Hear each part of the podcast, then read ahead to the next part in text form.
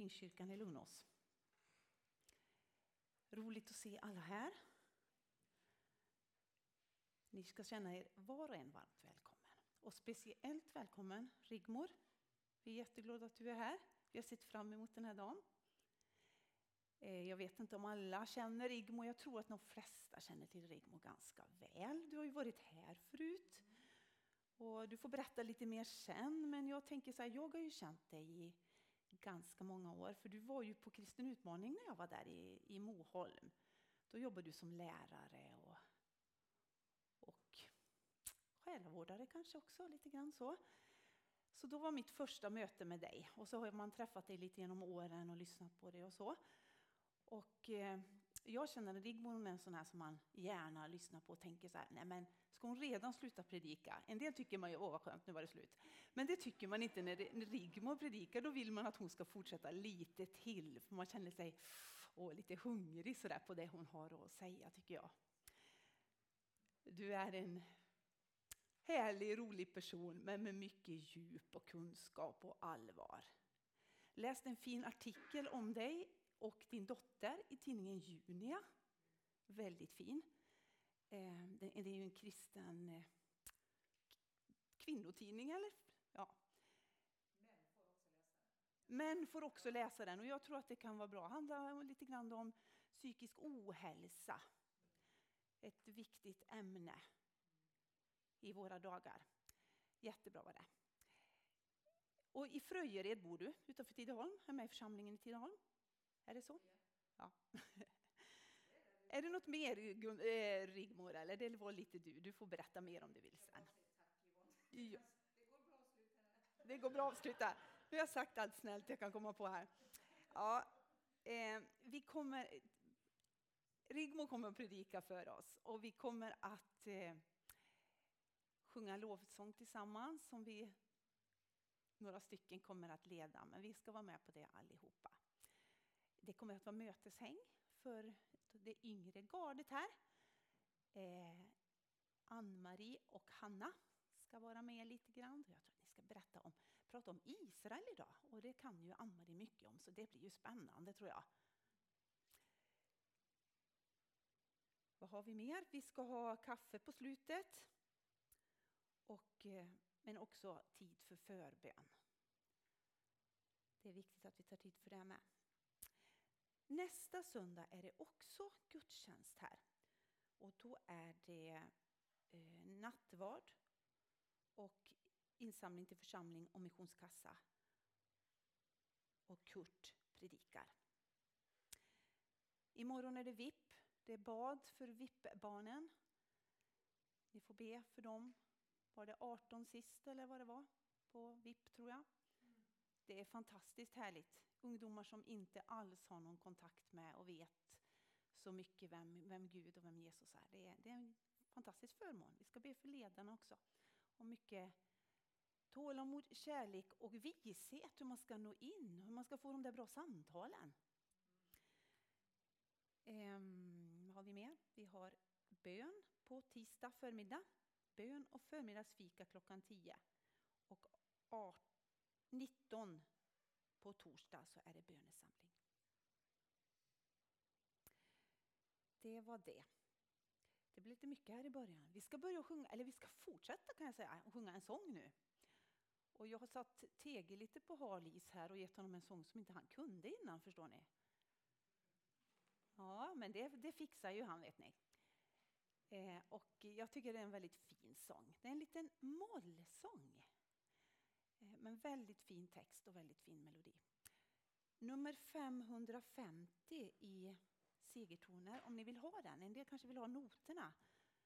Och vi har sjungit igenom det här innan så vi får vara lite försångare då för att den är lite ovanlig. Men vi hoppas att alla klämmer i, att inte vi sjunger för er utan vi sjunger tillsammans. 550, Kärleken från min skapares hand.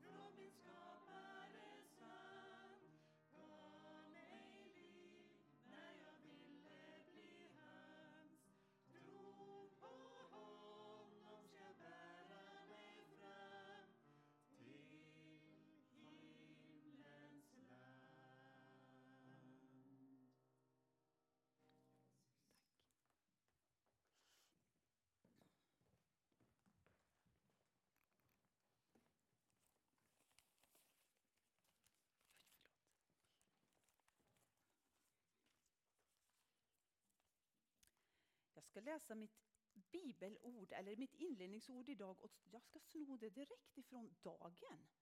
Från fredagens dagen eh, bibelord. Jag läste det och kände det här vill jag ha med. Det står en vers och det står så här. Jag väntar på Herren. Jag längtar. Jag hoppas få höra hans ord. Det står i Saltaren 130 och 5. Jag väntar på Herren, jag längtar, jag hoppas få höra hans ord. Och så står det en kommentar, jag ska läsa den också. Begäret är kortsiktigt, men längtan är långsiktig. Begäret, begäret griper efter allt från godispåsen till nästans hustru. Det tar till vapen och det skövlar jorden. Längtan planerar, skapar, sparar och bygger upp. Vad kan väl mäta sig med glädjen i uppfylld längtan? Längtan, längtan efter Guds ord och längtan efter Herren. Det får vi ha här när vi är här idag. Men jag tänkte också att man kan, hela livsinställningen får vara en längtan efter Gud. Det är det jag längtar efter, det är det jag lever för. Jag, jag planerar, jag, jag tänker i de banorna, att längta efter Gud. Och om man läser Bibeln så vet vi ju att det där är en längtan som är välbehaglig inför Gud. Han vill möta den som längtar. Han säger, är vi fattiga? Är vi hungriga? Han vill. Det är det han vill. Det är någonting som Gud ser till. Är vi mätta, är vi nöjda, det, det, då behöver vi inget mer. Men har vi en längtan, då vill han möta våra hjärtan.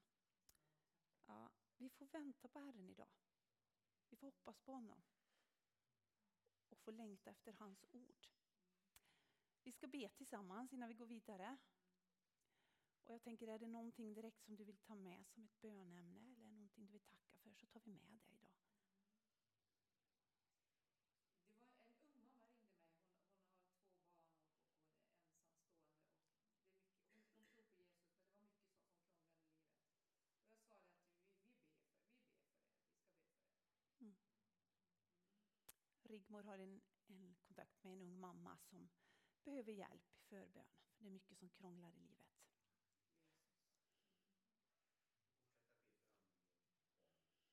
Vi ska fortsätta be för Anneli och barnen, för Bittan och allihopa som sörjer.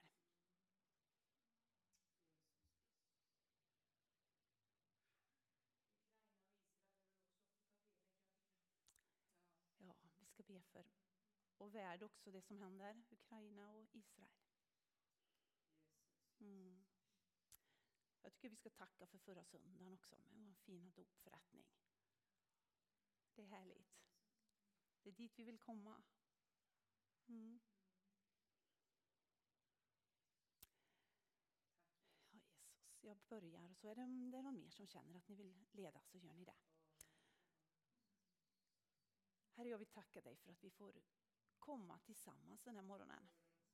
Vi får komma till ditt hus och när vi samlas i ditt namn så har du sagt att då är du mitt ibland oss. Vi samlas inte här för att vi vill bara träffas eller fika eller bara, bara vara, utan vi träffas här för att vi vet att när vi söker dig tillsammans så vill du komma nära oss Jesus. Tack att vi får längta efter dig. Tack för att vi får längta efter att höra ditt ord i våra hjärtan. Det som ger liv och det som ger kraft. Jesus, vi behöver dig idag och vi längtar efter dig. Låt din heliga ande få trivas mitt ibland oss. Låt din heliga ande få göra det du har tänkt. Jesus, vi ber för den här gudstjänsten. Vi ber för möteshäng att du ska vara med. Ann-Marie att du ska vara med Anna och, och de ungdomar som kommer att vara med på det. Tack att du ska välsigna dem där Herre. Jag ber att du ska vara med oss här och att du ska välsigna Rigmor och det ord som du har lagt på hennes hjärta Jesus. Du ska vara med i lovsång och du ska vara med i allt Herre. Låt oss få tillbe dig den här dagen. Vi ber också för den här mamman som har det trassligt i sitt liv. Jesus. Vi ber, vi lyfter henne upp inför dig och vi ber att det ska finnas människor som kan finnas till hennes hjälp och finnas i hennes närhet, Herre. Jesus. Vi ber för Anneli, Jesus. Vi ber för Jakob och Lisa. Jesus. All trösts Gud, vi ber. Jesus. Vi ber för alla som sörjer, Jesus. Tack att du, tack att du är ett botten som håller, även om inte vi känner så alltid, Jesus. Jesus. Tack att du vill lyfta, tack för att du vill bära. Tack för att du vill ge frid, Jesus, din frid. Jesus. Ja, Herre. Du vet också, vi bär på andra saker i våra hjärtan som vi inte har nämnt här inför dig idag, Jesus. Tack för att du är med oss var och en, Herre. I det vi bär på, de människor som vi tänker på. Våra egna bekymmer eller välval, vägval eller vad det kan vara. Tack att vi får lyfta det inför dig idag, Jesus. Tack för att du är en Gud som är, ger råd, som ger vishet, Jesus. Jesus.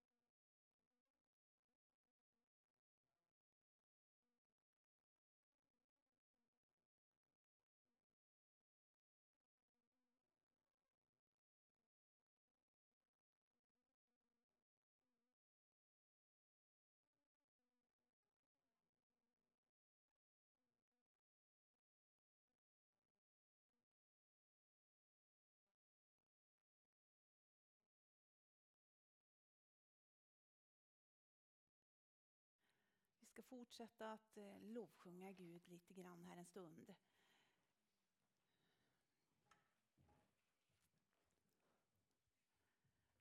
Vi kommer att leda er i några enkla lovsånger som vi får vara med i allihopa. Ska vi göra så att vi ställer så får ni, ni som orkar och kan, givetvis. Man får göra som man vill, men vi börjar med att ställa oss och så får ni sätta er om ni känner att ni inte orkar stå.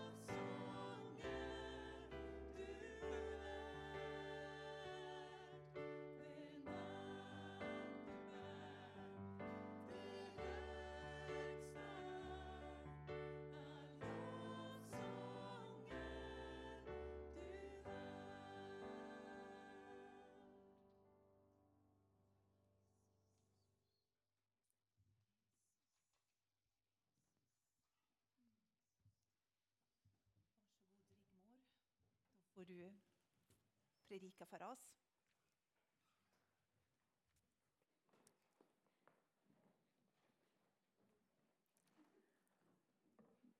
Då måste jag bara, det funkar bra. Herre, jag bara tackar dig för att du har det namn som är över alla andra namn. Och hur vi än har i livet, Herre, så vet vi att i det namnet så kan vi känna det som kanske är omöjligt, glädje mitt i svåra situationer.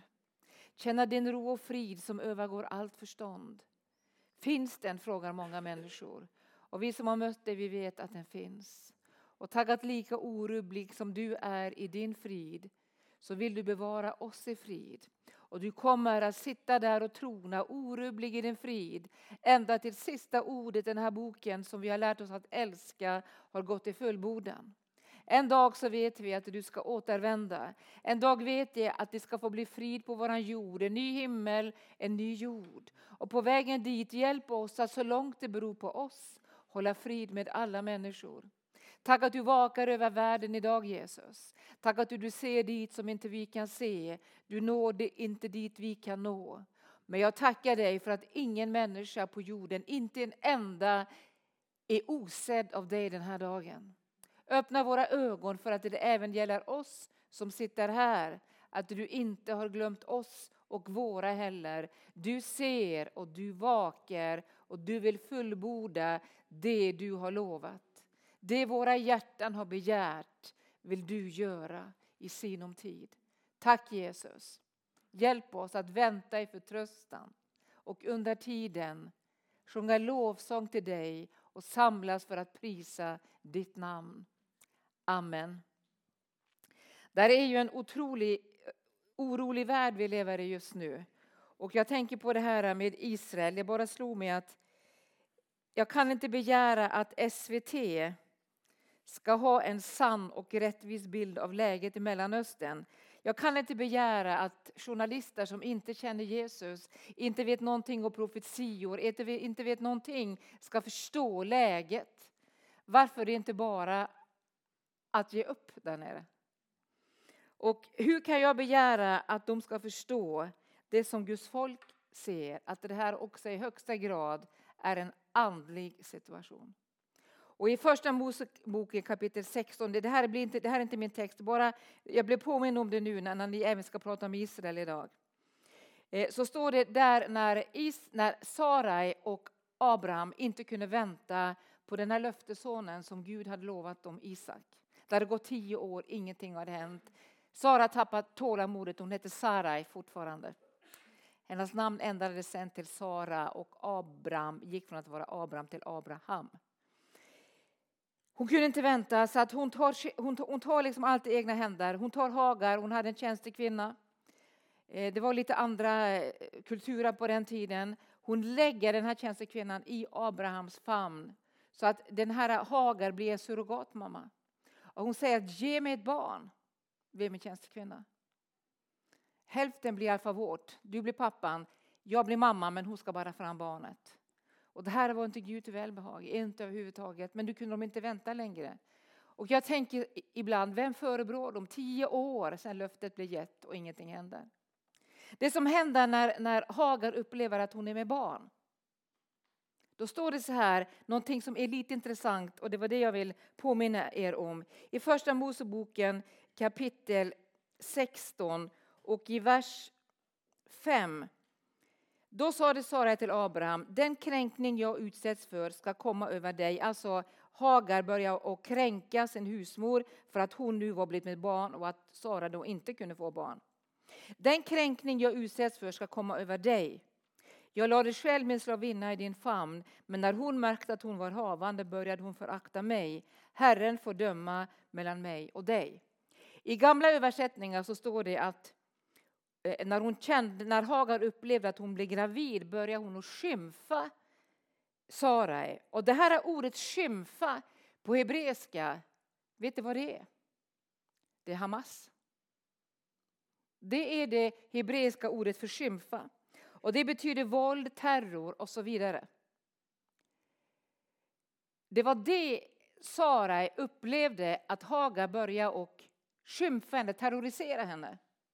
Och vi kan inte, vi kan inte begära att SVT och alla andra västerländska eh, reportrar som inte är pålästa. Vi kan inte förvänta oss det, för vi i kyrkorna vet ju inte riktigt heller hur det här har skett genom historien.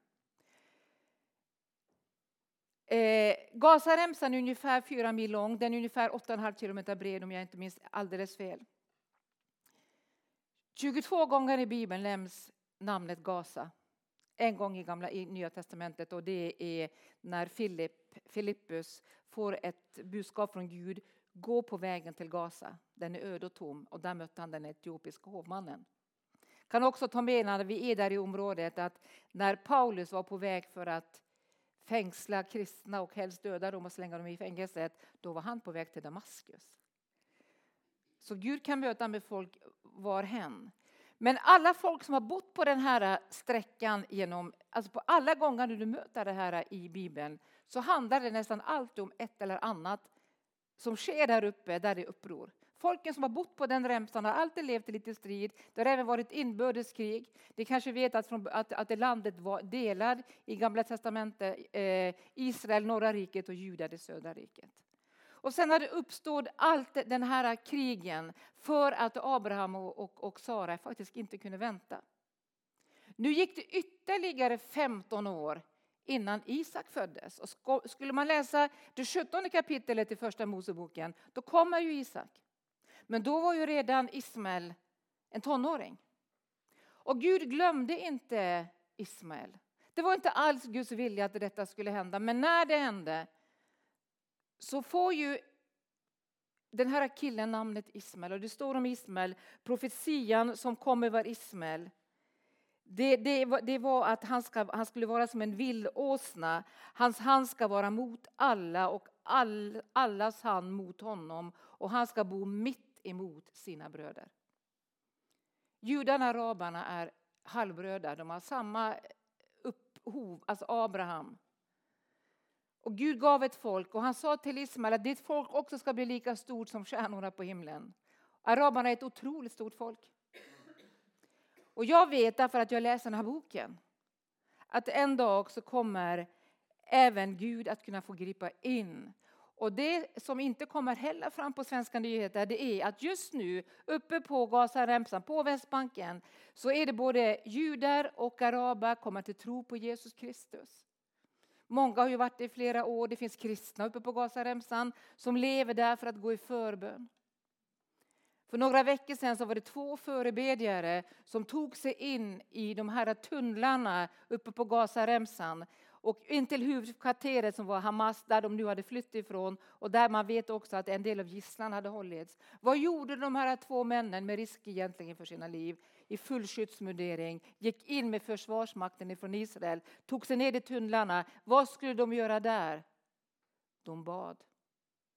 De gick ner för att be. Och när de stod där så delade de nattvarden och så bad de för lidandet bland civilbefolkningen.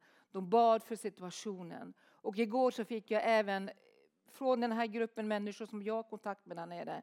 Då stod det till oss alla som de skickar ut informationen till.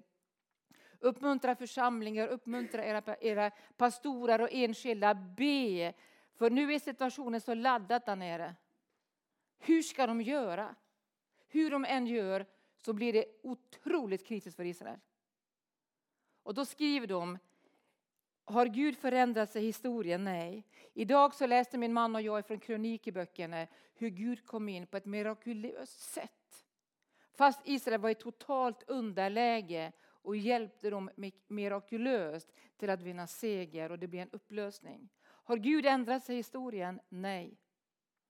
Jag vet bara en sak, att det som sker just nu i Israel, det som sker på Västbanken, på Gazaremsan och i Mellanöstern. Jag vet en sak, att Gud har inte glömt och Gud han ser. Din och min uppgift är inte att ta ställning för någonting, det är att ta ställning för Guds ord att framhäva det. Lidandet är stort på båda sidor och vi är uppmanade att be för alla människor. Men judarna är Guds utvalda folk, det är ett profetiskt folk och genom dem så kom frälsningen till alla världens länder. Och i, första, i andra Moseboken kapitel 19, när Gud utväljer sitt folk vid Sinai berget, Då säger han till Mose att jag utväljer er bland andra folk på jorden, inte framför men bland alla folk på jorden, för att hela jorden är min. Och så blev de folket. En tredjedel av alla av Moseböckerna handlar om det här dryga året vid Sinaiberget när Gud präntar in i det israeliska folket, i det judiska folket. Vilka tankar han hade med dem för att också vi skulle få Bibeln för att Jesus skulle födas så att hela världen som han hade skapat skulle få höra evangeliet. Därför ska vi be för Israel. Det var bara en liten parentes. Och jag blev lite påmind om att säga det till oss alla. Så det är ingen ny företeelse. Nu är det så märkligt. Eh, jag satt i fredag, jag var hemma själv. Eh, och eh, jag satt i fredags och frågade Gud att vad, Gud, vad behöver de där borta i, i Lugnos? Vad, vad, tycker du att eller vad har du på ditt hjärta för dem där borta och, och vad vill du att jag ska komma dit och dela med dem? Jag har ju, jag har ju nåtts av sorgebudet när det gäller familjen Beiron och vi har varit med och bett för er allihopa. Eh, och ändå så kom det här ordet så starkt, ett enda ord och det var ordet glädje. Och jag tänkte, gode Gud, ja, okej, okay, jag satte mig. Glädje, jag satt och tittade och blundade och tänkte glädje. Så tänkte jag, är där, ett, är det en bok i Bibeln som verkligen lyfter upp glädjen? Är det någon av er som vågar sig på en gissning? Jag tror att många kanske vet det, för ni kanske inte vågar det. Ja, det var någon som mumlade något. Vad sa du? Filipperbrevet, exakt. Så jag läste Filipperbrevet sakta, rakt igenom. Och eh, då ser man ju om man läser Filipperbrevet att hade Paulus verkligen någon orsak att glädja sig? Han sitter ju faktiskt i fängelse. Han är en gammal man. Han är ingen ungdom längre. Han har gått igenom otroligt mycket plågor och eh, han, han, han, vet också att, att eh, han hade mycket att berömma sig av. När man tänker på hans utbildning, hans bravader, vem han var rent mänskligt. Men han säger också att han aktar allt det där som ingenting inför detta enorma att kunna äga Kristus. Och så sitter han där i fängelset och så tänker jag så här att jag ska bara ta med er lite här på lite ord och låta bara Bibeln tala för sig själv. Och så när jag skulle gå och lägga mig igår kväll eh, då tänkte jag så här att ja, men Gud, kan jag verkligen komma till Fågelås och prata om glädje? Jag blir lite tveksam.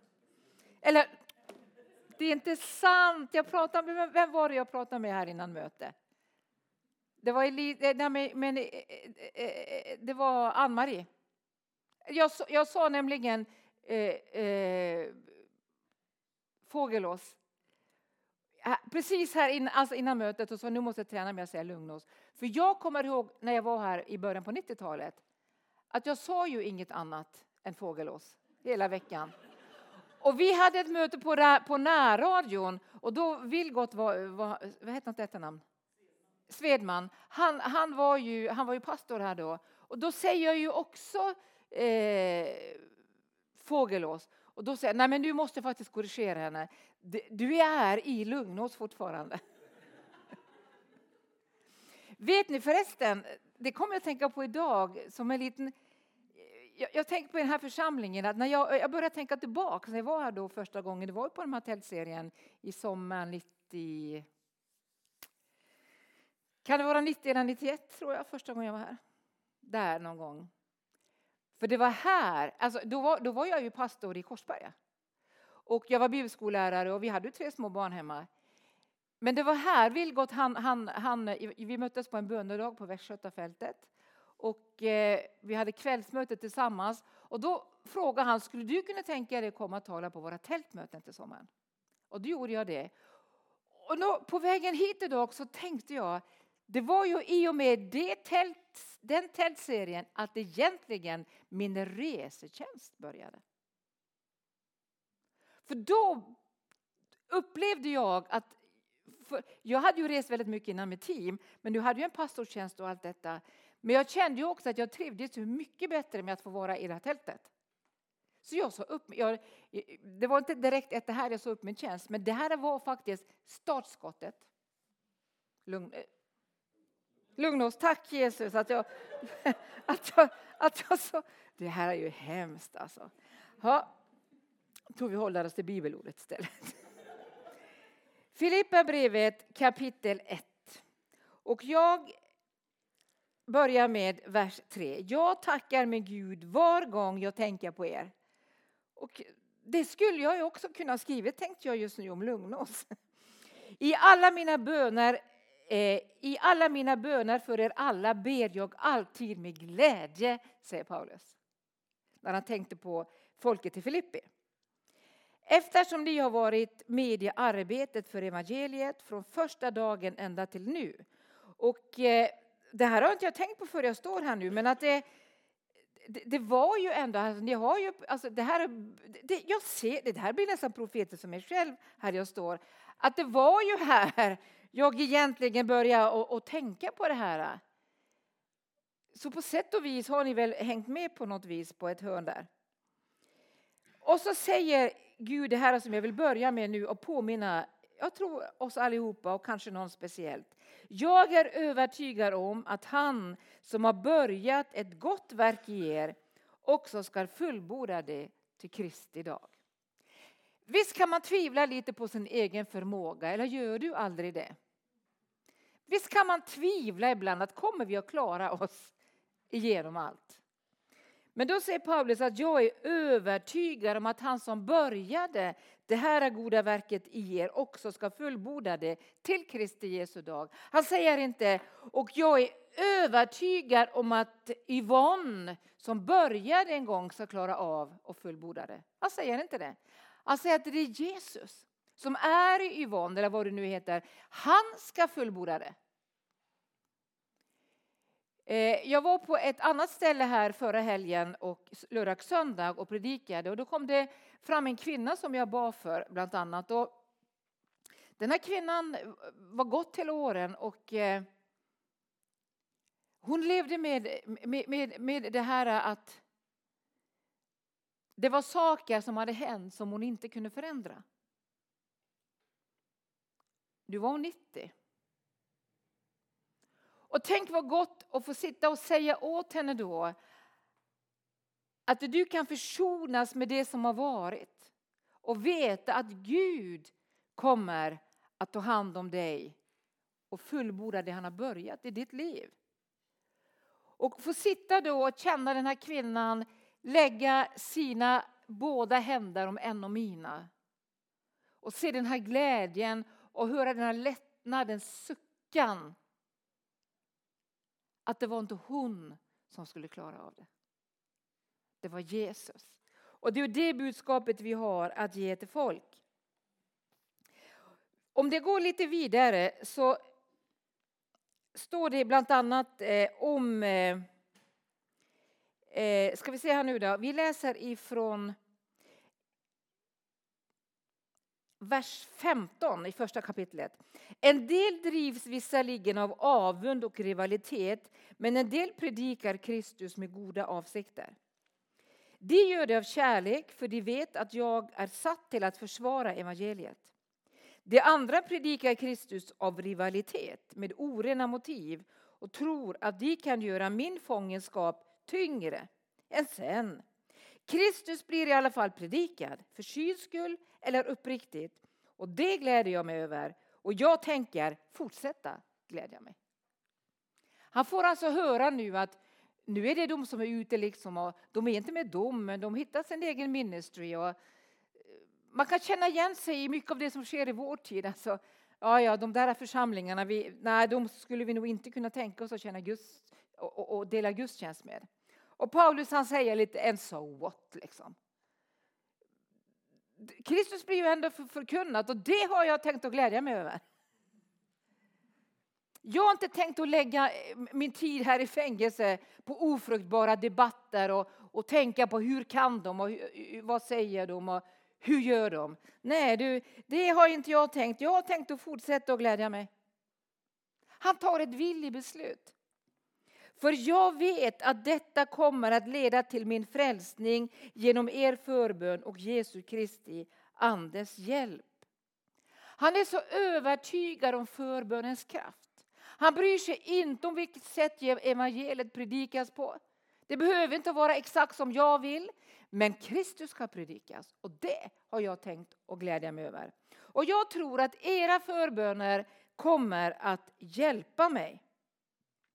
Det roliga är det att eh, han säger inte kommer att få ur mig ur den här fängelsehålan. Det säger han inte.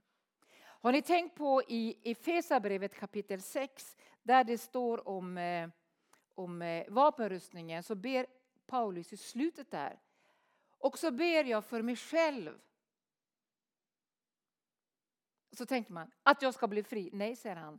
Att jag frimodigt ska predika evangelium så sant och så rätt som jag bör. För dess skull är jag en fånge i bojor.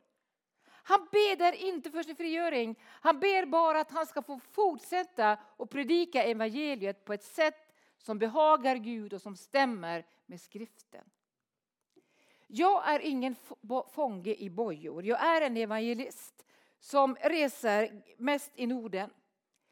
Men jag kan känna mig otroligt bunden av våra PK-bojor, alltså det politiskt korrekta i tiden bojorna. Att alla ska gå i ledtåg och nåde dig om inte du ställer dig i det ledtåget och tycker som alla andra.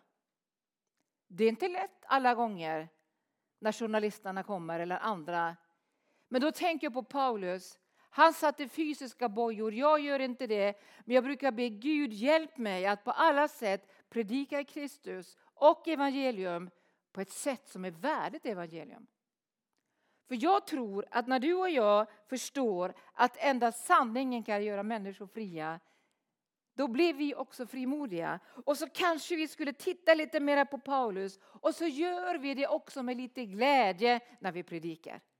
För risken är att vi blir sådana där, du vet, vi blir så konstiga. Har inte vi tränat oss i det som Jesus hade och som Paulus hade, att möta människor med nåd och sanning? Nåden kom först och så kom sanningen. Men båda kom. Man kan inte ta det ena från det andra. Blir det bara nåd, då blir det pannkaka. Men blir det nåd, eller blir det bara sanning, då blir det moral.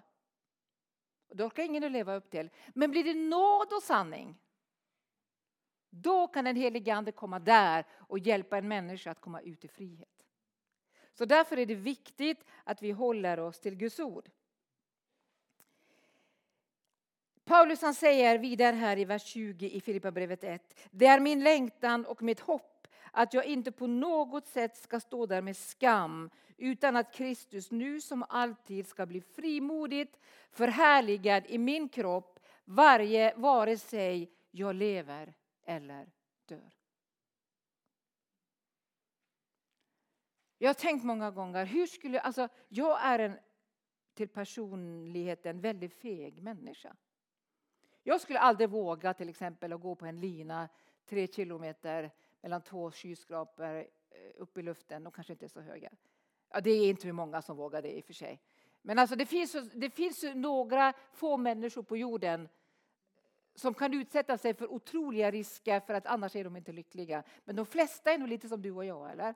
Det ska vara stabilt, det ska vara, det ska vara strukturerat, det ska vara ordning och reda.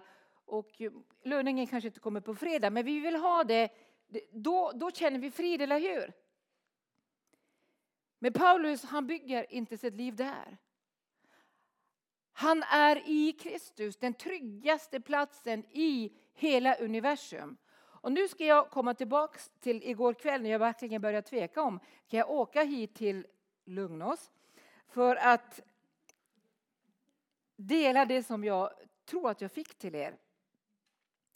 Så den här, jag har i, i den här, det här skinnfodralet det gjorde jag eh, i ett missionshus uppe i Hälsingland i 1976 en natt när jag inte kunde sova, vi bodde i kyrkan och jag gick ner där scouterna hade sin verksamhet. Så jag fick bekänna min synd sen på dagen. Jag tog av deras läder eh, och gjorde mig ett bibelfodral. Nu har jag så tjock bibel så jag kan inte ha det längre. Men in i det här så ligger där en bok som heter Daglig kraft från ovan skriven av två lyssnare. Två kvinnor som, som levde i början på 30-talet i England. De var nypensionerade lärarinnor. Båda hade diagnosen cancer och båda visste att det var obotligt. Det var i början på 30-talet när det var en världsdepression. Hela världen var deprimerad för ekonom, ekonomin var så usel. Eh, då upplever de att Gud kallar dem till ett år från första januari till sista december det året att söka Gud varje dag för att höra vad Gud säger. Den ena kvinnan hörde hela tiden. Den andra hörde ingenting, men hon skrev det den andra hörde. Och det märkliga är att även om det verkar att vara bara den ena som hör någonting så pratar Gud alltid till henne som hör. Jag säger till er två. Vi har olika gåvor, så Gud kan faktiskt också tala till en annan för dig. Det tycker jag kan vara lite tröstefullt för oss som kanske ibland är lite tröga. Att det finns ju andra som kan lyssna och höra och kanske ge oss en hälsning från Gud. Men i alla fall, jag tassade ner, hade lagt mig, gick ner och så tänkte jag så här, för jag har inte läst den här boken på länge. Jag har läst den många gånger, år efter år efter år, men nu har vår dotter haft den en stund. Och så gick jag ner och så slog jag upp 25 februari. Och då var rubriken att övervinna. Och så står det så här. Glädje är den bästa balsam för all världens nöd. Den är andens läkedom för allt slags plåga. Det finns inget som inte glädje och kärlek i förening kan åstadkomma. Sätt ert mål högt. Sikta på att besegra världen, den värld som finns runt omkring er. Inför varje tvivel, varje synd, varje fruktan, ja inför det onda i alla dess former, säg bara Jesus övervinner. Inget ont kan stå emot detta, ty det finns inte under himmelen något annat namn bland människor givet genom vilket vi kan bli frälsta. Och den versen som de citerar ska jag alldeles snart citera ur Filipperbrevet kapitel 2. Jesus frälser från fattigdom. De här två var fattiga, de hade inget. De levde lite från hand till mun. Men de upplevde att Jesus sa till dem att ni ska säga att Jesus frälser från fattigdom. Och så lärde de sig att förtrösta på bönen i Fader vår och ge mig idag mitt dagliga bröd. Jag behöver inte mitt dagliga bröd för imorgon, men idag. Vid känslor av fruktan, säg endast Jesus frälser från fruktan. Gör på detta sätt med det onda, var ni träffar på det. Och det kommer att försvinna så som natten försvinner då solen går upp. Hade det varit en framgångsteolog som skrev detta så kanske inte jag hade sagt så mycket amen och halleluja. Men i och för sig, det hade varit lika sant om det var han som hade skrivit det. Men detta är två äldre, gamla, döende, skröpliga, fattiga kvinnor som Gud talar till varenda dag under ett helt år. Varför? För de bestämde sig för att vara där och inlyssna Gud. Ska du och jag ha, kunna ha någonting att ge till den värld som nu förblöder, då måste vi hitta tryggheten där den är att hitta. Jag sa till Gud många gånger att sitta hemma på Fröjden, det är vår adress faktiskt i Fröjden. Jag tycker det är vackert, det heter Fröjden. Jag ser ut över tiden, jag har det gott, jag har det varmt, jag har mat, jag har familj, jag har de som älskar mig, jag tror på Jesus. Paulus han skriver att han vet hur det är att leva i överflöd. Han vet hur det är att ha allt. Han vet hur det är när allt går på räls, hans ministry blommar. Han är populär, folk vill lyssna på honom. En gång du sa att, att du inte ville att jag skulle säga amen. Eh, Paulus han predikade i så länge att det var en, en kille som ramlade ut genom fönstret och dog. Och så gick de ut och uppväckte honom. Och då kunde man tro att nu upplöser vi mötet. Nej då, de fortsatte. Han hade det med sig i bagaget också, Paulus. Men han säger också, men jag vet också vad det vill säga att inte ha något. Tre gånger fruktar han för sitt liv. De har försökt, han var ute för käppsbrott två gånger, de har försökt att stena honom. Han satt i fängelse, han frös, han hungrade. Och mitt i detta, säger han, vinner vi en omåttlig seger genom honom som har älskat oss och gett sitt liv för oss. Och jag sa till Jesus, jag vet inte Jesus. Jag vet inte om jag alltid kommer få ha det så gott som jag har det just nu. Jag går inte och längtar efter något martyrskap, definitivt inte. Och det ska vi inte längta efter heller. Men jag tror att det är dags för Guds folk att börja mobilisera sig. Att inte i första hand ha tryggheten i sina konton, i sitt vardagliga etablerade, att allt går efter ordningen. Men att ha sin trygghet i Kristus. Att vara på den tryggaste platsen i hela universum. Ni kanske har hört mig berätta det, att när vi väntade vårt tredje barn, det är Simon, som ni kanske kände till, pastor i Skövde. Då jobbade jag på högstadiet i Törboda, bland annat. Jag var även bibelskollärare och gjorde en del andra saker. Så, och så hade vi två små tjejer också hemma. Och det var väl lite stressat och jag kände på en lektion i 20 graviditetsveckan, det är någonting som inte stämmer. Så att på håltimman så tog jag mig till barnmorskan och jag blev sjukskriven så här. Då säger hon så här till mig att nu har din livmoder ställt in sig på förlossning och då kan inte vi rädda det här barnet. Vecka 20, det vet alla som är insatta i detta. Och för att göra mycket historia lång eh, så fattade jag att allt gick bra. Men det blev turbulent och det, det blev väldigt för att klara vissa dagar. Och Thomas kom hem och vi fick vara hemma på heltid med barnen och allt detta. Och jag började att känna lite oro för det här. Då, kommer, då, då var vi på sån här eh, fyra års kontroll med vårt yngsta barn, Therese. Och då, eh, där, om, du, om du minns på ett fyra års kontroll, då ska ju ett barn rita en person. Och de flesta fyraåringar, hur konstnärliga de än är, så ritar de en, en rund mage, eh, ett litet eh, mindre huvud och så fyra streck åt fyra olika håll. Ungefär så. Och det gjorde hon också. Och så jag går det några dagar, då kommer hon och ger mig en teckning. Och då hade hon ritat ungefär en sån teckning som hon gjorde då på fyraårskontrollen. Den här teckningen har jag bevarat.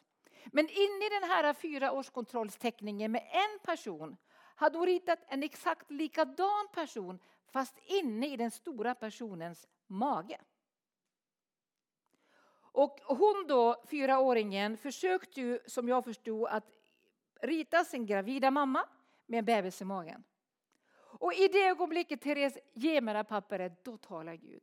Sluta frukta Rigmor. På samma sätt som bebisen är i dig är du i mig och eftersom du är i mig och bebisen i dig så är ni i mig båda två. Och där kom lugnet. Och Simon, han är den av våra tre barn som vi fick vänta längst på. Fast han skulle komma när som helst. Så elva dagar innan förväntad tid så föddes han. Och det är ganska normalt. För att jag såg att den tryggaste platsen för både mig och honom var i Kristus. Och det vill jag säga till dig, ung som gammal eller vart du än står i livet. När fruktan kommer över dig, sätt dig ner en liten stund och tänk på att jag är i Kristus. Men tänk om jag kommer att få lida då? Hur går det då? Ja, men då tänker jag på min farmors ord. Du får inte kraft i förväg för dagen imorgon. Då får vi tro att Gud bistår oss med den kraften.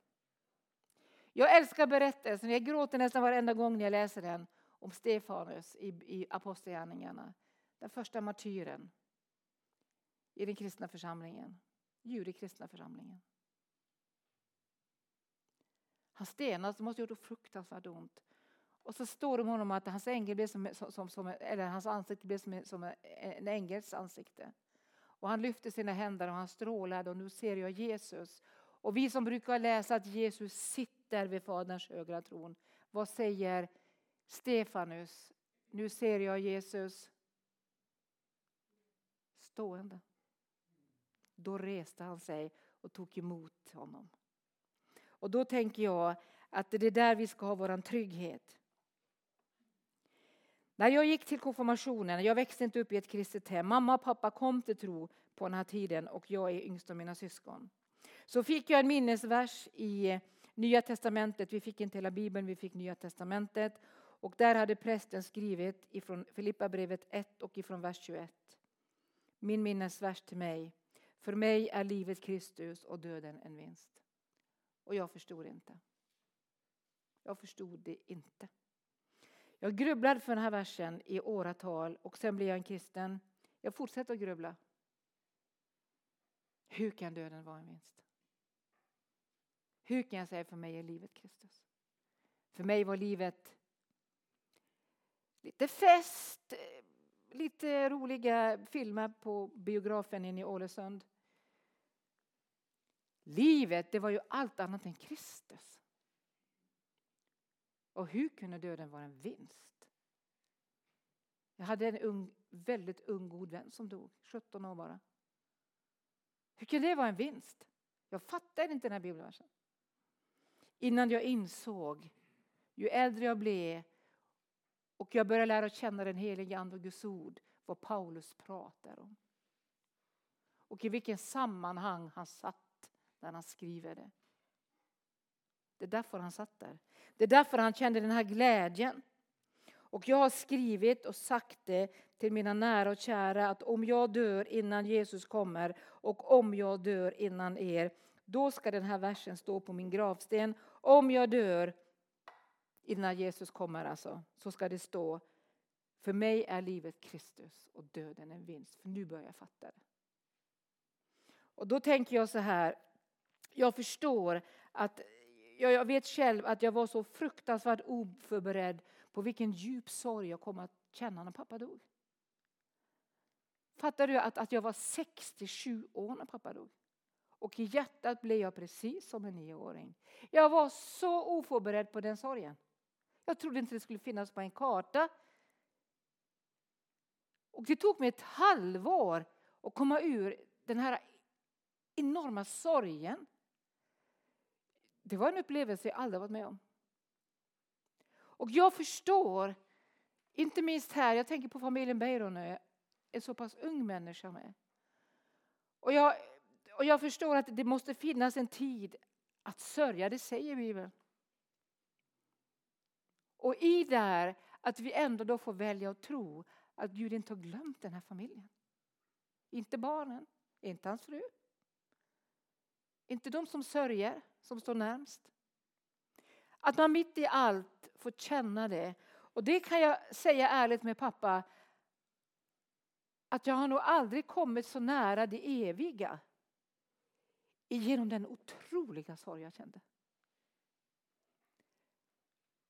Och samtidigt så blir det så fint när det här börjar fejda ut. Att det måste också vara tecken på vilken enorm kärlek man hade känt till den här personen. Han var ju ändå min pappa.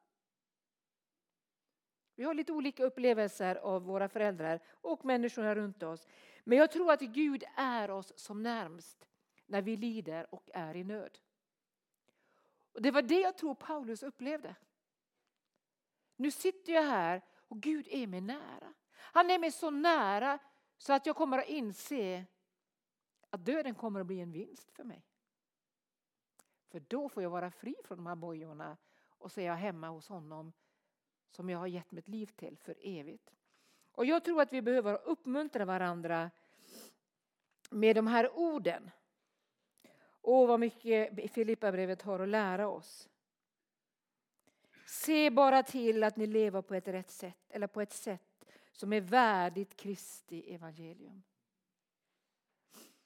Och jag önskar så att mitt liv och våra liv att vi kunde få vara så att människor ser Jesus i oss. Låt mig få höra om er att ni står fasta i samma ande och samma sinne och kämpar för tron på evangeliet. Inte ett ord om att han ska komma ut, men att de ska få bli bevarade. Och så säger han, utan att på något sätt låta er skrämmas av motståndarna. Det blir för dem ett tecken på att de går förlorade medan ni blir frälsta och det av Gud. Ni har ju fått nåden att inte bara tro på Kristus utan också att lida för hans skull. Jag vet att jag tror att jag sa det någon gång, jag vet inte om jag sa det här, men min mamma hon dog i 2019 och hon dog på ett hemskt sätt.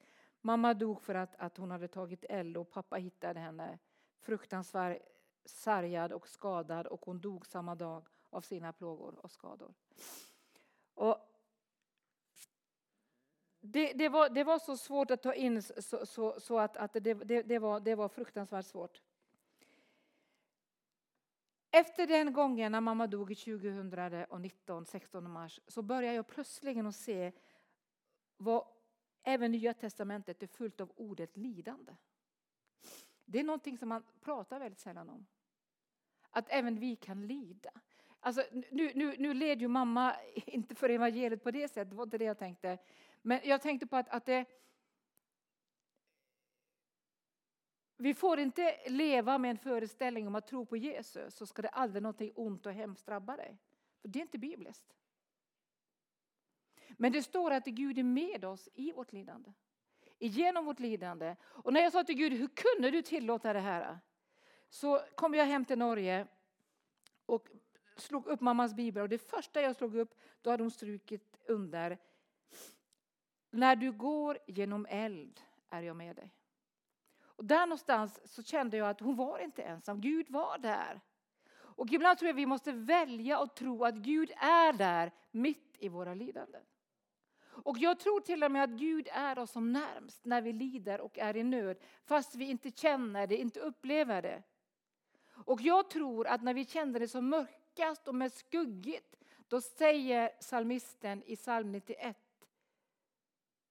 att salig den som sitter i den allsmäktigas skugga. Vet du att när någonting är skuggigt, då är det för att du är nära föremålet som avger skuggan.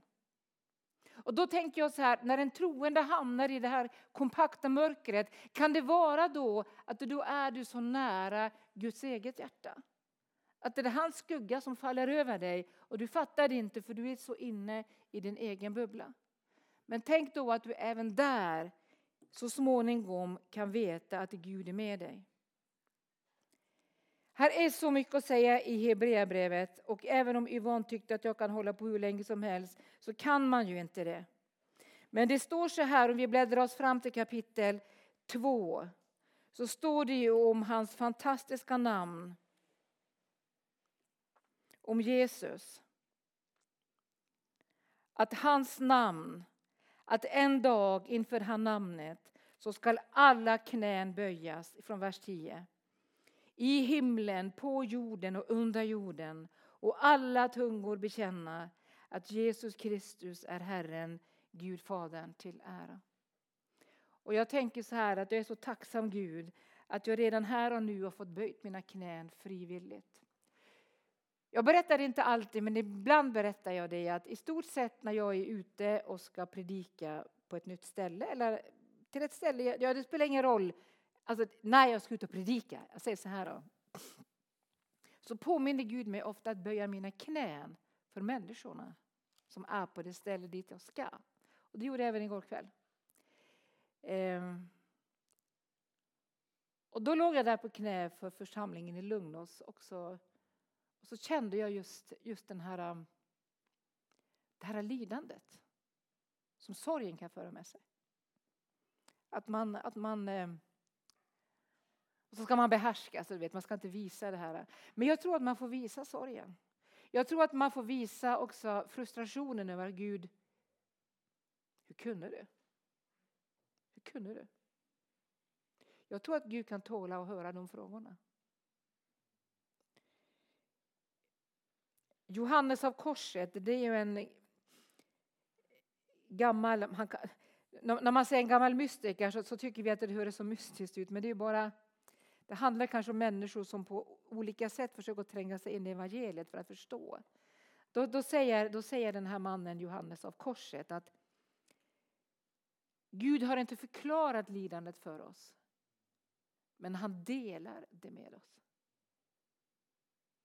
Jag mötte en kvinna, hon var totalt i chock. Hennes man hade lämnat henne och deras tre barn för en annan kvinna som också hade tre barn. Så det blev två familjer som blev totalt söndersplittrade.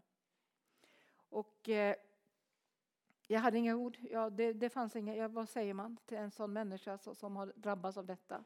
Och ett år senare så var jag tillbaka i samma stad och så tänkte jag, ska jag uppsöka henne? Det, det, det, det, lätta, det lättaste hade varit att tänka, nej jag gör inte det.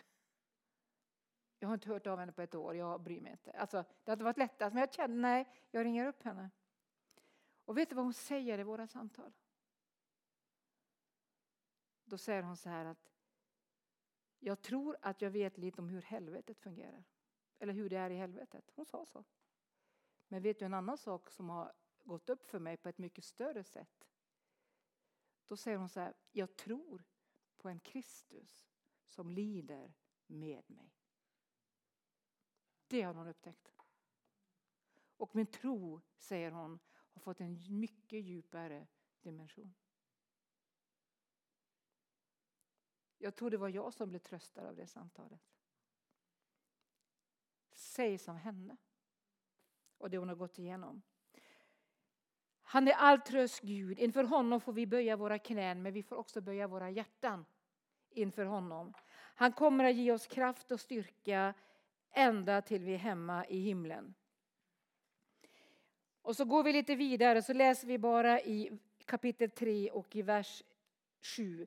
När Paulus då har berättat om sin och stor, sitt CV, vilket CV. Han hade inte fuskat med sitt CV. Om ni har tittat på nyheterna och Uppdrag granskning sista veckan så är det här en man som inte hade fuskat med sitt CV. Han skriver så här att han, han kunde förlita sig på det yttre, för om någon tycker att han kan förlita sig på det yttre så kan jag det ännu mer, säger Paulus. Jag är omskuren på åttonde dagen, är av Israels folk, Benjamins stam, en hebré, född av hebreer i fråga om lagen, en farisé, alltså det högsta, mest utbildade teologiska partiet. I iver en förföljare av församlingen, i rättfärdighet genom lagen en oklanderlig man. I rättfärdighet genom lagen en oklanderlig man. Vet du vad man måste vara för att bli oklanderlig enligt lagen? Vet ni, vet ni vad man måste vara då? Då måste man ha hållit hela lagen, hela tiden. För det är ju det han säger. Hur kunde han ha levt? Och var det verkligen sant? Jag tänker, där inuti måste han väl ändå ha tänkt ett och annat.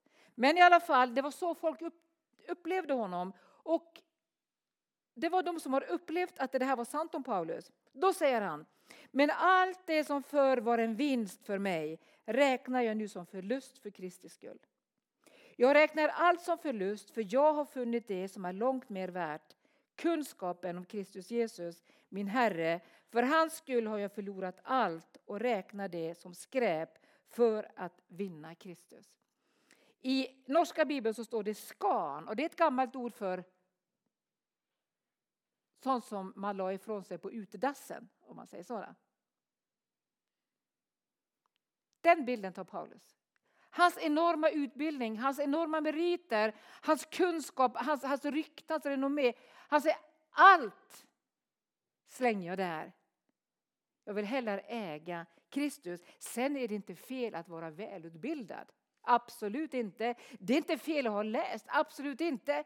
Men det ska inte vara min merit, nummer ett, min merit är att jag är i Kristus och blir funnen i honom, inte med min egen rättfärdighet, den som kommer av lagen, utan med den som kommer genom tron på Kristus, rättfärdigheten från Gud genom tron. Då får jag lära känna Kristus och kraften i hans uppståndelse och dela hans lidanden genom att bli lik honom i hans död. Där återkommer det igen. Han vill ha del i hans uppståndelse.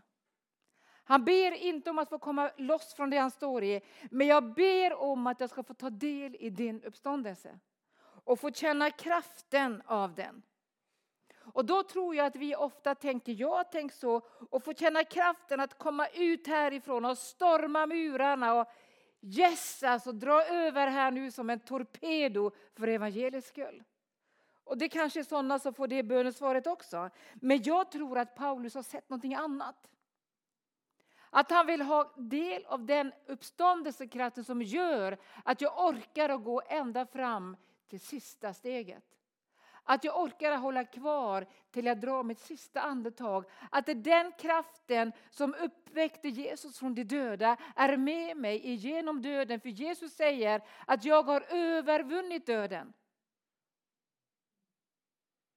Och döden är egentligen inkörsporten till det livet som vi lever här för att förberedas för att komma dit.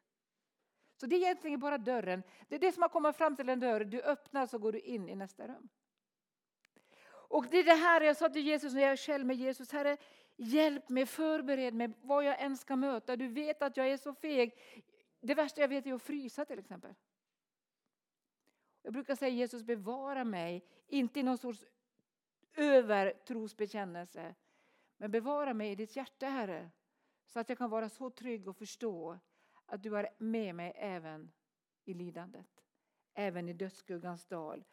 Och så är det så mycket att säga, men så slutar han ju då med de här enorma att vi ska stå fasta här i kapitel 4. Vi ska stå fasta i Herren, säger han. Ni måste stå fasta. Ni måste glädja er alltid, säger han. I vers 4 i Filipperbrevet 4, 4. Alltid. Är det möjligt? Kan jag glädja mig när jag gråter? Nu kommer jag in på det här med sorg. För vad jag upplevde när jag sörjde pappa så djupt, det var att jag har aldrig heller samtidigt känt en sån inre känsla. Som jag sa till min egen man Thomas, min pappa hette också Thomas. Så jag sa till min Thomas att jag kan bara beskriva den som någon sorts glädje. Och då insåg jag också att den glädjen vi har i tron på Jesus är inte beroende av omständigheter. Vi kan få gråta och känna sorg och saknad. Vi kan vara sjuka och vara helt uppgivna och ändå kan få uppleva den här glädjen. Vilken glädje? Den vi har i Kristus som dog för oss. Den vi har i Kristus som bor i oss. Glädjen som är en andens frukt, som är som en substans. Likväl som blodet och allt annat finns där på insidan så finns den här glädjen nedlagd i vår ande. Varför kunde Stefanus lyfta armarna mot himlen och han strålade? Varför har vi läst om slavar genom tiderna som sjöng i sin dödsmarsch? Varför har vi fått ut vittnesbörd från martyrerna som lyfter blicken och ärar Gud i det ögonblicket de drar sin sista andetag? För det finns någonting på deras insida och den får man i nära gemenskap med Jesus Kristus. Låt alla människor se hur vänliga ni är. Bekymra er inte för något utan låt Gud få veta alla era önskningar genom bön och åkallan med tacksägelse. Då ska Guds frid som övergår allt förstånd bevara era hjärtan och era tankar i Kristus Jesus. Två helger i mars, fredag, lördag, söndag, två helger efter varandra ska jag ner till Småland i samma församling. Och de, de ringde mig i början på året och frågade om jag hade ett tema. Och det har jag sällan. Jag bad till Gud, Herre ge mig, ge mig en tanke. Och då kom bara den här meningen medan jag satt och pratade med henne som skulle göra de här affischerna på telefonen. Den frid som övergår allt förstånd finns den. Så det blir temat. Och jag lever där just nu. Mitt i den förvirrade värld vi lever i finns den. Och du kanske anar vad svaret på den frågan kommer att handla om. Den finns. Och till slut så säger Paulus här i vers 18. Jag har fått allt och det överflöd. Jag har mer än nog när jag nu genom Epafroditus har fått er gåva, en ljuvlig doft, ett välbehagligt offer som Gud tar emot med glädje. Nu tror ni att jag pratar om arvodet, men det gör jag inte. Eh, Paulus han är bara så tacksam över att när han lider, när han sitter i fängelse, när han inte kan utöva så fritt som han kanske hade tänkt att han kunde göra utanför murarna, så ser man att han är så tacksam att det finns ändå de som har omsorg om honom. Och jag tror att du och jag har omsorg om våra lidande bröder och systrar i världen. Jag vet att ni skickar iväg hjälpsändningar till Ukraina häromdagen. För Urban Widholm var även hos oss i Tidaholm. Så vi är med på samma last kan jag säga. Och vår uppgift mitt i kaoset nu är att stödja så långt det beror på oss. Vi kan inte hjälpa alla, men alla kan hjälpa någon. Att vi hjälper dem att mitt i allt få dela med så att även de kan få glädjas en liten stund. Att det finns människor i andra länder som faktiskt tänker på oss. Vi är inte ensamma. Och så säger Paulus då, så ska min Gud efter sin rikedom på ett härligt sätt i Kristus Jesus ge er allt ni behöver. Vår Gud och Far tillhör äran evighet i evigheters evighet. Amen. Och jag älskar ju alla de här slutsfraserna. Hälsa alla heliga Kristus Jesus. Bröderna här hos mig hälsar till er.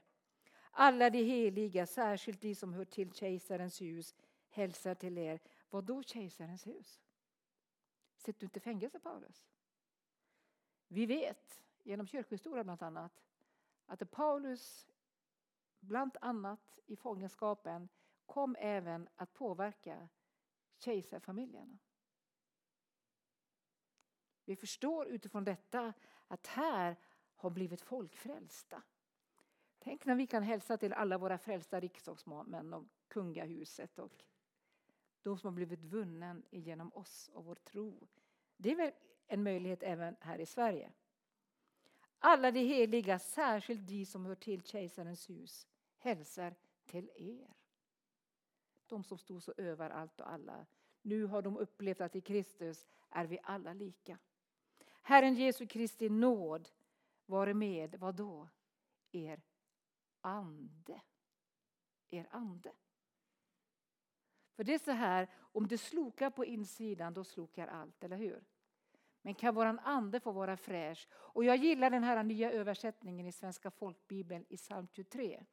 Där det står i våra gamla att han, ved, han vederkväcker, vederk, vederk, vederkvicker min själ. Inte väderkvicker, nej. Vederkvicker min själ. Så står det nu i, i folkbibeln 2015. Han ger liv åt själen. Han ger liv åt min själ. Så det önskar jag. Nu önskar jag er Guds välsignelse som ger liv till själen och styrka till er ande. Så tror jag att vi tillsammans i det här landet kan ana lite vår luft även på det andliga området. Vi ser det i Tidaholm. Det är så offentligt nu så jag behöver inte nämna några namn. Men det, för, för, eh, några veckor sedan, det är tre veckor idag, söndag för tre veckor sedan, kom där in en man i vår församling. Han var i 70-årsåldern. Och jag trodde att det var någon som, våran, våran pastor han är väldigt mycket ute på gatorna så jag trodde det var någon som hade kommit in via våran pastor. Nej, det var det inte. Pastorn trodde att han hade kommit in kanske via någon annan av oss, men det, nej, ingen kände honom. Men den här mannen kom fram. När vi bjöd till förbön, då kom han. Han hade vaknat den här dagen, och det här är en man som egentligen haft ett rätt gott liv mänskligt sett. Han hade bara under en stund gått med någonting på insidan som inte var bra. Och jag bara tänkte att jag, jag ger upp. Och så vaknar jag den här söndagsmorgonen, säger han, och bara hör som en röst, säger han. Du ska gå till Pingstkyrkans gudstjänst. Han har aldrig varit hos oss. Och så blir han frälst. Och jag tänker så här att kan inte det ske också här? Att det finns säkert människor som ser att ni har gudstjänst. Jag tror att det finns människor här som upplever den här mannen. Ja, vi har allt, men det är också allt vi har. Tänk om de här har någonting annat. Tänk om Gud kunde tala även här till människor att gå dit. Där kan du få hjälp. Kan det hända? Härligt. Det kan nämligen hända. Igår var jag ute och tittade på vittnesbörd igen, bland annat från före detta Hamas-medlemmar som har upplevt att Jesus har kommit till dem i drömmar. Berättat för dem att jag är Jesus. Jag sa till Jesus, kan inte du börja göra det med vanliga svenskar också? För de är lika tröga de. Vad som helst kan hända. Ska du vara med i det här? Jag tror att vi kan få vara med allihopa. Vi ska eh, prisa Herren och sjunga lite, men vi kan, vi kan väl be lite tillsammans. Jag har inte frågat rent hur ni går till om när ni gör förbön, men jag vill alltid erbjuda förbön. Och, eh, eh, jag, jag tänker, har ni förebedjare också kanske? Det kan, om det blir väldigt många tänker jag som vill ha förbön. Så, så tänker jag så här, det är ju en förmån att få förmån. Det är en förmån att få förbön. Mm. Och det är också en förmån att kunna få be för andra. Mm, glöm inte det. Så det vore väl underbart om alla som sitter här idag antingen var den som är med och ber eller får förbön. Och tvärtom.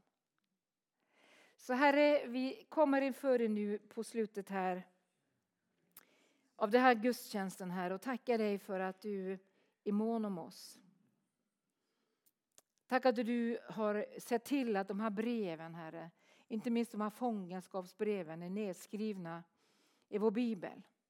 Jag tackar dig för att vi tillsammans med eh, det gamla testamentet, Herre, till ditt folks bibel, det, det ordet som du gav till ditt folk Jesus från början, att vi också fick eh, det här tillägget med nya testamentet. Och tack att en dag så, så ska även många av våra, ja alla av våra judiska vänner ska också få se att du är den Messias de alltid har väntat på. Och så som du uppenbarar dig idag för väldigt många i arabvärlden så är du också kapabel att uppenbara dig för människorna här i Lugnos. Jag tackar dig för mannen som kom till oss här för att du hade väckt honom. Och jag ber Jesus, jag ber tillsammans med församlingen, här ska vi enas om det. Om vi nu ber den här bönen tillsammans att Herre, väck upp människor i de här husen. Du vet, det är inte alltid lätt att hitta dem. Vi kanske inte alltid är så profetiska här att vi kan gå rakt på dem. Men Herre, låt dem hitta oss. Låt den här församlingen här ha satt sånt avtryck så att de vet att det finns en församling här som, som, som vi kan gå till. Tack Jesus. Tack Jesus. Tack att du har talat till oss var och en. Och jag ber om att din ande skulle få röra oss Jesus. Få sätta oss i rörelse. Och sluta att dissa oss själva. Det, det, det, finns människor i den här församlingen just nu som du dissar dig själv. Du tänker liksom att, att på något vis att Gud kan inte använda dig eller att du, du är lite ledsen över att du tycker att du har inte blivit så använd överhuvudtaget som du hade önskat och trott att du skulle bli. Men där är en liten felplanterad tanke i det. Jag skulle vilja säga till dig som går och kämpar med just de här tankarna att du har varit till mycket mer välsignelse än vad du är medveten om. För Jag tror inte det är alltid att vi får veta till vilken välsignelse vi är. Men till dig som har brottats med de här tankarna, det finns någon här, så tycker jag att Gud ändå vill säga till dig att det, du har blivit till mera nytta av välsignelse än du någon gång tror att du är. Under pandemin så hade vi en man i vår församling. Han fick obotlig cancer och han dog under pandemin. Men vi skapade ett tryggt rum för honom i kyrkan dit han kunde få komma två dagar i veckan för att han var helt ensam. Under sin palliativa vård, för han ville inte vara på sjukhus, han ville vara hemma. Och då var han så sorgsen. Han berättade att han aldrig hade sett frukt av sitt arbete. Han hade, genom sitt, han hade även en tid, i sitt liv har han även varit hemlös. Men nu hade han ett, ett lugnt liv och, och hemlösheten hade han, hade, han, hade han gjort på eget bevåg. Han valde det. Men i alla fall, han var ledsen. Han, han fyllde 70 år också det här året när han dog. Och så säger han så här att eh, han var så ledsen. Han började med att sätta dekaler med kristna bibelord på, på, på sin bil när han körde. Och så började han och eh, och dela ut traktater i brevlådor där han åkte runt. Och ytterligare efter, efter några år så, så, tog han mod till sig, beställde hem böcker och så började han att dela ut böcker och så började han åka runt på marknader och torg och hade med sig ett litet stand och, och så ville han ut med den kristna litteraturen. Men han hade aldrig fått sett, sett något resultat. Så vi bad för honom för han var så otroligt ledsen. Och nu visste han att vilken dag som helst så skulle han dö. Det här var en torsdag, då ringer han upp oss på eftermiddagen och berättar att han kom hem till sin hall. Och jag vet inte vad som hände, sa han. Antingen, jag kan inte säga om det var Jesus, om det var en ängel, om jag föll i sömn eller om jag var vaken. Jag såg en syn, säger han. Att först fick jag se en inte sådär jättestor flock med människor, men det var ändå en grupp med människor. Och så säger den här personen, Kent, den här gruppen är de som kom till tro på mig genom det du skrev på din bil. Och så såg han en grupp som var lite större då, eller de stod, och då, då, då, då, eh, då så säger han, och den här gruppen, det är de som kom till tro på mig genom att de hittade dina traktater och de böckerna du har delat ut och sålt. Men den tredje gruppen var så betydligt mycket större. Och då säger den här rösten i den här synen han hade, och den här gruppen Kent, det är de människorna som har blivit vunna för mig genom de här två första grupperna. Några dagar senare så fick Kent flytta hem till himlen och förmodligen möta de här grupperna. Jag vill bara säga till dig som sitter här och tänker, vad har jag gjort? Du kanske gjort mer än vad du vet att du har gjort. Yvonne, varsågod. Och vill ni ha förbön? Jag sätter mig här och det är säkert flera med som vill vara med och be. Ni kan väl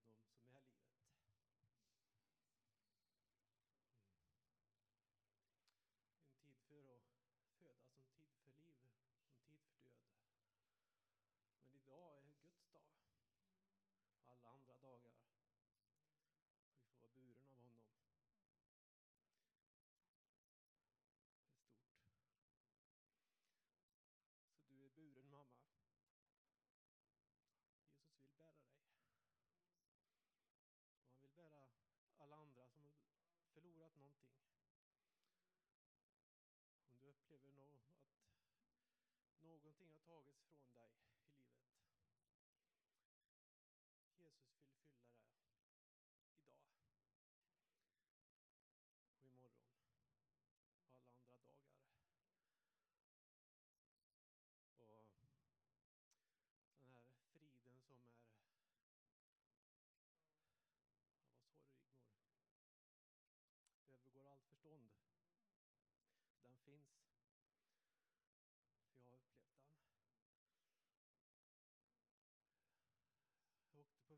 Från Göteborg och sa till Gud att du kanske, kan det vara så att du har begått ett misstag? Jag vet ju samtidigt så känner jag, jag vet ju att du gör inte det.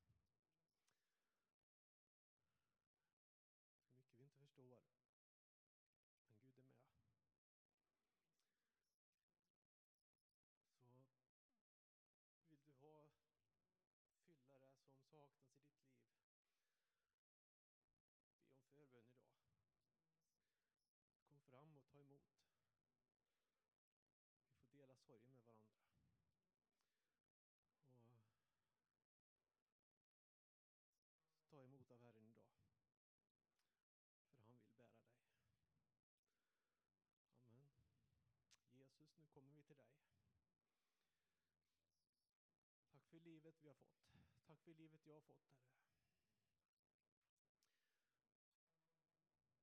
Det livet vill jag leva för dig. Jag vet att det kan ta slut på en dag. Använd mig den tid jag har kvar. Använd oss alla här.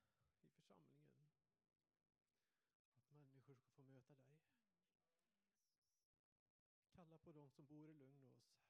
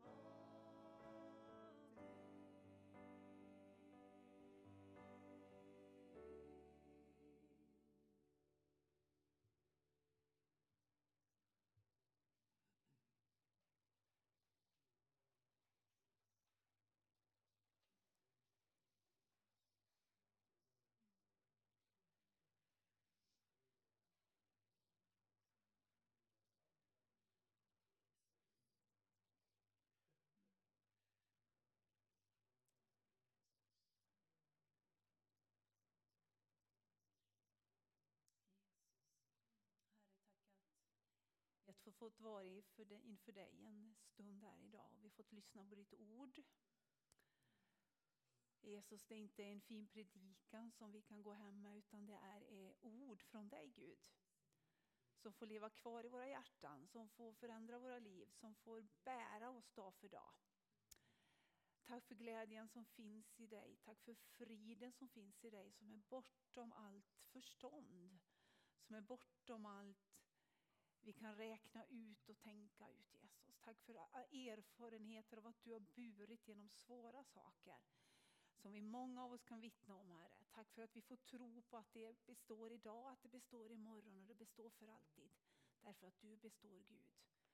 Jesus, jag ber att du skulle få bevara ditt eget ord i våra hjärtan. Du som är allt tröst, trösts Gud, du som är glädjen i våra liv Jesus. Tack för att vi får lägga våra liv i din hand och tack för att det spelar ingen roll om vi är här eller om vi går ut på våra arbeten, om vi finns i vår vardag, hemma eller bland vänner, så är du lika närvarande Gud.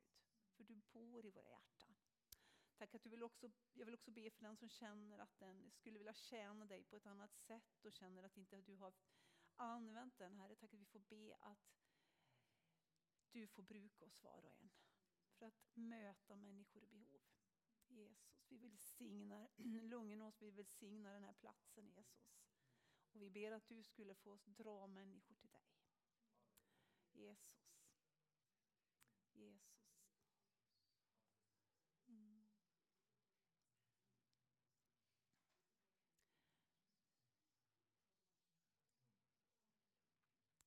Det är människor i bön och vi, vi kanske känner ett behov att få vara nära, nära Guds hjärta bara. Men jag tror att vi ska, vi ska sjunga, vi har välsignelsen, vi tänkte vi sjunga också.